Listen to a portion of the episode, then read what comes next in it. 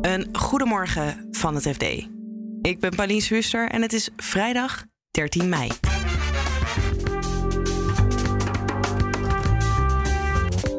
Het was een shitshow op de cryptomarkt deze week. Ik zag dingen die, die daalden met eh, 30%. En als je daar eh, veel geld in hebt zitten, dan ben je opeens eh, ja, een enorm groot deel van je spaargeld kwijt.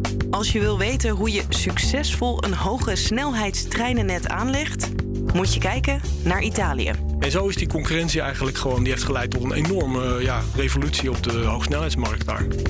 En Kaag en Rutte zijn aan het leuren met de voorjaarsnota. Maar het is de vraag of er een groot all-in akkoord komt. Dat zou natuurlijk kunnen, maar en eigenlijk waarom zouden ze dat doen? Dit is de dagkoers van het FD. Er zijn deze week honderden miljarden dollars op de cryptomarkt in rook opgegaan. Begon allemaal bij de Terra USD. En onze beursredacteur en cryptokenner Pim Brasser, die had daar al zijn twijfels bij. Ik zag dat er een, eh, een munt in korte tijd heel erg groot werd. En toen ging ik kijken en toen zag ik dat er eh 20% rendement per jaar eh, eh, werd geboden aan mensen die die munt hadden. Wat best wel bizar is. Eh, en ik zag ook dat, het, dat de munt werd gedekt door andere cryptomunten en een heel ingewikkeld handelsmechanisme. En toen ben ik erin gedoken en toen dacht ik van ja, dit, dit kan nooit lang goed gaan. En wat vonden de experts?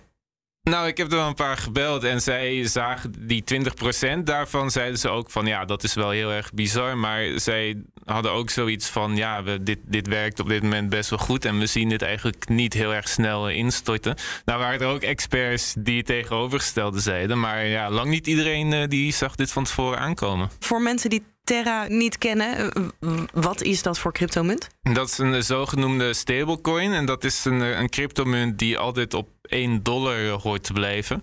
En dat is handig in de cryptowereld als je, als je dingen wil kopen of, of als je ze wil vastzetten of als je ze wil uitlenen. Het is een soort cement van de cryptohandel. Ehm, een, een vervanging van de dollar. En dat is handig omdat veel, veel cryptobedrijven die hebben geen toegang tot reguliere valuta. En dan zou je het ook telkens weer om moeten wisselen en zo bij een bank. Dus dat is allemaal onhandig. En eh, de oplossing daarvoor is eh, zo'n stablecoin als ze niet omvallen.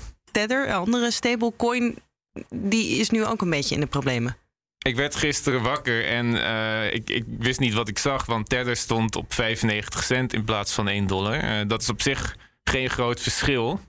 Maar dit is dus wel een munt die heel veel in de handel wordt gebruikt en die gewoon op 1 dollar eh, hoort te blijven. En ja, als die dus 5% daalt, eh, ja, dan, is dat, eh, dan kunnen de gevolgen groot zijn. Als Tether inderdaad echt instort, wat gebeurt er dan op de cryptomarkt? Het wordt heel veel gebruikt in de handel dus. En ja, als het instort, dan komt gewoon een groot deel van de cryptohandel tot stilstand eigenlijk. Dus de gevolgen die kunnen echt enorm zijn. En is het dan zo dat mensen bijvoorbeeld heel veel spaargeld ook in Tether hebben, zoals je dat hoort van Bitcoin? Of is het meer eh, de handel waar het probleem dan ligt? Nee, het is ook een soort veilige haven. Dus wat ik al zei, als je, als je dingen koopt of zo, of verkoopt, dan, Ja. dan gebruik je daar vaak Tether voor. Dus heel veel mensen dus, die hebben gewoon een soort crypto-spaarpotje, waar ze dan misschien plannen mee hebben of zo, of die ze even wegzetten. En dat doen ze dan vaak in Tether. Dus het is ook, eh, dus er zijn nu iets van 82 miljard Tethers of zo. Eh, dus dat is een enorm groot deel van de hele cryptomarkt. Die is nu iets van eh 1100 miljard. Het is, eh, het is echt een enorme munt en, en echt essentieel eh, voor de cryptomarkt. De meest bekende is misschien de eh, Bitcoin. Ehm, ja, we moeten even het voorbehoud maken dat het, dat het op elk moment kan veranderen. Dus eh, hoe wij er nu over praten, misschien is het alweer heel anders. Maar hoe reageert zo- zo'n munt op deze onrust? Ja, niet goed. Want eh, hij is in ieder geval gisteren was hij iets van 10% of nog meer eh, gedaald. En eigenlijk, hij daalde tot eh, richting de 25.000 dollar. En dat was het laagste niveau in, in anderhalf jaar tijd. Het laagste niveau sinds december 2020. Dat was het moment dat die hele crypto-hype eigenlijk pas echt begon. En ja, we zijn daar nu weer terug eigenlijk. En valt er hier iets aan te doen?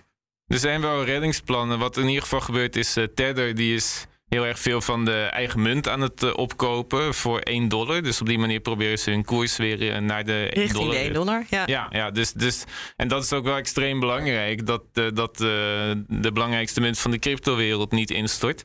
Er zijn ook reddingsplannen voor Terra USD. Daar, daar, zijn, daar is de hoop een eh, stuk minder dat het ooit nog, eh, ooit nog goed komt. Maar eh, ja, dat is eh, in ieder geval. Tether wordt waarschijnlijk gered, is in ieder geval het idee. 79,90 euro. 79,90 euro. Enkeltje. Een enkeltje. Rome, Rome, Milaan. Je hoort onze Europa-verslaggever Han-Dirk Hekking. Met hem ga ik het dus hebben over treinen, hoge snelheidstreinen om precies te zijn. Een manier die ervoor kan zorgen dat we minder gaan vliegen in Europa. En Italië is daar een voorbeeldland in. Komt omdat ze niet alleen het staatsbedrijf hebben, maar dat, daar, daar, maar dat er daar echte concurrentie is. In Nederland heb je ook, zeg maar, in zekere zin concurrentie. In Duitsland heb je dat ook. Hè. Meestal is dat dan dat er tenders zijn, dat, dat bedrijven kunnen inschrijven op bijvoorbeeld een gedeelte van het Ja, veel nationaal met regionaal. Precies, hè. dus in Nederland heb je bijvoorbeeld inderdaad dat, dat eh, kleinere lijn in eh, bijvoorbeeld in het noorden, dat die dan deels door Arriva worden gereden. Maar in Italië was het zo duidelijk dat het hoofdnet, hè, wij hebben ook een hoofdnet, maar dat is eigenlijk al jarenlang gaat dat steeds naar de NS. In Italië hebben ze gewoon twaalf jaar geleden, of sorry, tien jaar geleden, hebben ze gewoon Italo toegelaten. En dat heeft het staatsbedrijf eigenlijk gewoon een enorme prik in de rug eh, gegeven. Die twee partijen zijn elkaar enorm gaan concurreren met eh, diensten, met treinen, ook allemaal nieuwe treinen gekocht enzovoort. Ja. En zo is die concurrentie eigenlijk gewoon, die heeft geleid tot een enorme ja, revolutie op de hoogsnelheidsmarkt daar.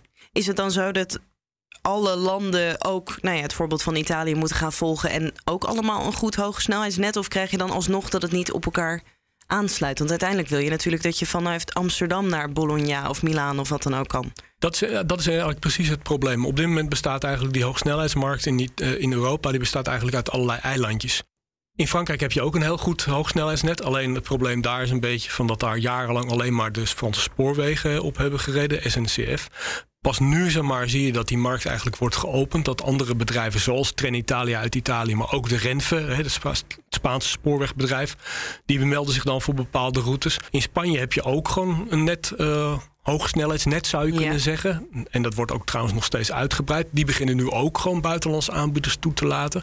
Maar dat heeft eigenlijk ongelooflijk eh, lang geduurd. In Italië waren ze gewoon, eh, gewoon eerder op dat vlak. En hoe komen we dan uiteindelijk tot een internationaal Europees netwerk van hoge snelheidslijnen? Wat, wat moet daarvoor gebeuren? Moet Brussel iets doen? Of Ja, daar moet eh, Brussel iets voor doen. Dat zegt bijvoorbeeld de Europese spoorwegkoepel CER. Die zeggen eigenlijk dat er meer regie nodig is bij de aanleg van, van dit soort grensoverschrijdende verbindingen. Maar er is natuurlijk ook gewoon een hele sloot met geld eh, voor nodig. Want hoogsnelheidsrail, dat kost gewoon heel veel geld. Eh, om je voorbeeld te noemen, hè, in Italië is nu sprake van, of is een discussie over de aanleg van een nieuw hoogsnelheidsnet tussen Salerno bij Napels naar Reggio di Calabria. Dus zeg maar helemaal in het, ja, in, In de het, zuiden, zeg maar, naar Ja. het punt van de laars, zeg Ja. maar. Dat kost al 22 miljard. Dus je hebt het over, echt over serieus geld. En dus zegt zo'n Europese spoorwegkoepel... nou, wij hebben nog wel een idee eh, voor financiering hiervan. Europa wil bijvoorbeeld zeg maar, het Europese emissiehandelssysteem gaan uitbreiden naar het wegvervoer. ja. En met de opbrengsten van uitstootrechten die dan worden verkocht aan transportbedrijven, zou je dan een gedeelte, zou je dus gewoon de, de investeringen die nodig zijn in hoogsnelheidsrail, zou je kunnen bekostigen, zegt zo'n spoorwegkoepel. Ik Ja. zou het ook zeggen als ik ze was. Vind je mij heel cynisch als ik zeg dat het misschien nog wel even gaat duren tot eh, we heel snel door Europa kunnen met de trein? Nee, dat is niet cynisch, dat is gewoon realistisch. Eh, mensen zien de potentie zeg maar, wel van, van, ehm, ja, van die markt. Hè. Uiteindelijk zie je gewoon in Italië... In Italië heeft het echt als effect gehad... dat er gewoon veel minder gevlogen wordt binnenlands... terwijl het best een groot land is. Zeker. En dat is ook precies zeg maar, de aspiratie die andere landen ook hebben. Bijvoorbeeld Frankrijk wil ook gewoon minder binnenlandse vluchten. Gewoon. Dat is ook de reden waarom ze tegen Air France hebben gezegd... toen er eh staatssteun werd gegeven om dat bedrijf overeind te houden... van je gaat minder binnenlands vliegen. De bedoeling is zeg maar, om, om natuurlijk gewoon meer dat railvervoer te krijgen. Maar uiteindelijk willen we natuurlijk gewoon allemaal... dat we dat niet alleen maar in eigen land doen. In Nederland is dat trouwens sowieso niet zo relevant. Het is een klein, een klein Ja, landje. er wordt weinig eh, binnenlands gevlogen. Ja, maar het zou wel fijn zijn als bijvoorbeeld gewoon de reistijd, zeg maar Amsterdam-Berlijn, wat een voorbeeld is van hoe het dus niet moet. 6 uur en 40 minuten zeg ik even uit mijn hoofd. Zoiets, ja. Je wil het gewoon zeg maar, bekorten tot een uur of drie of zo, die 600 kilometer. En dat kan dus als je kijkt naar Italië. En het kan zeg maar, als je kijkt naar ook Frankrijk of, of bijvoorbeeld naar Spanje. Minister Kaag en premier Rutte proberen steun te krijgen voor de voorjaarsnota. En dus lopen ze de Haagse gangen af voor gesprekjes met de oppositie. Of dat al wat oplevert, hoor je van parlementair verslaggever Cor de Hoorde. We beginnen met alle tegenslagen waar dat extra geld voor nodig is. Er is een oorlog in Oekraïne. Dat heeft diverse gevolgen. Maar een daarvan is dat de Tweede Kamer zegt... er moet meer geld naar defensie gaan.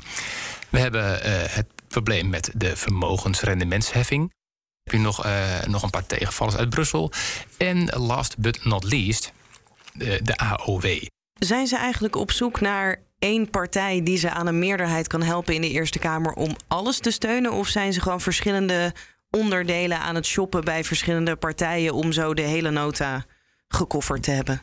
de indruk bestaat een beetje van dat eerste. Uh, zelf denk ik dat het meer het tweede is. Je, je zou dus aan denken dat ze, dat ze een soort groot akkoord, groots en meeslepend akkoord gaan sluiten.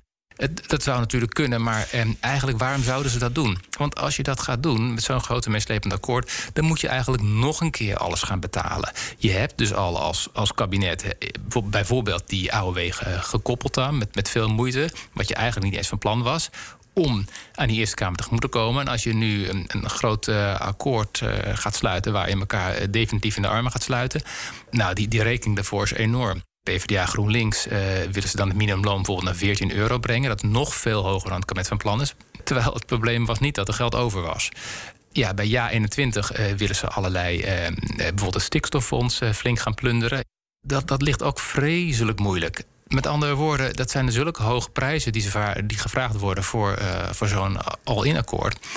De meest eenvoudige oplossing is gewoon een, een voorstellen doen waar waar zowel links als rechts van zeggen: ja, ja, het is niet precies wat we willen, maar moeten we hier nou tegenstemmen? Gaat een partij eh, tegen een begroting stemmen waarin staat dat het minimumloon omhoog gaat? Weliswaar minder dan ze zelf wilden, maar het gaat wel omhoog. En als je natuurlijk tegenstemt, komt die begroting er niet. En dat, dat hogere minimumloon natuurlijk ook niet. En, en dat is, uh, denk ik, dat is het interessante wat we de komende weken gaan zien.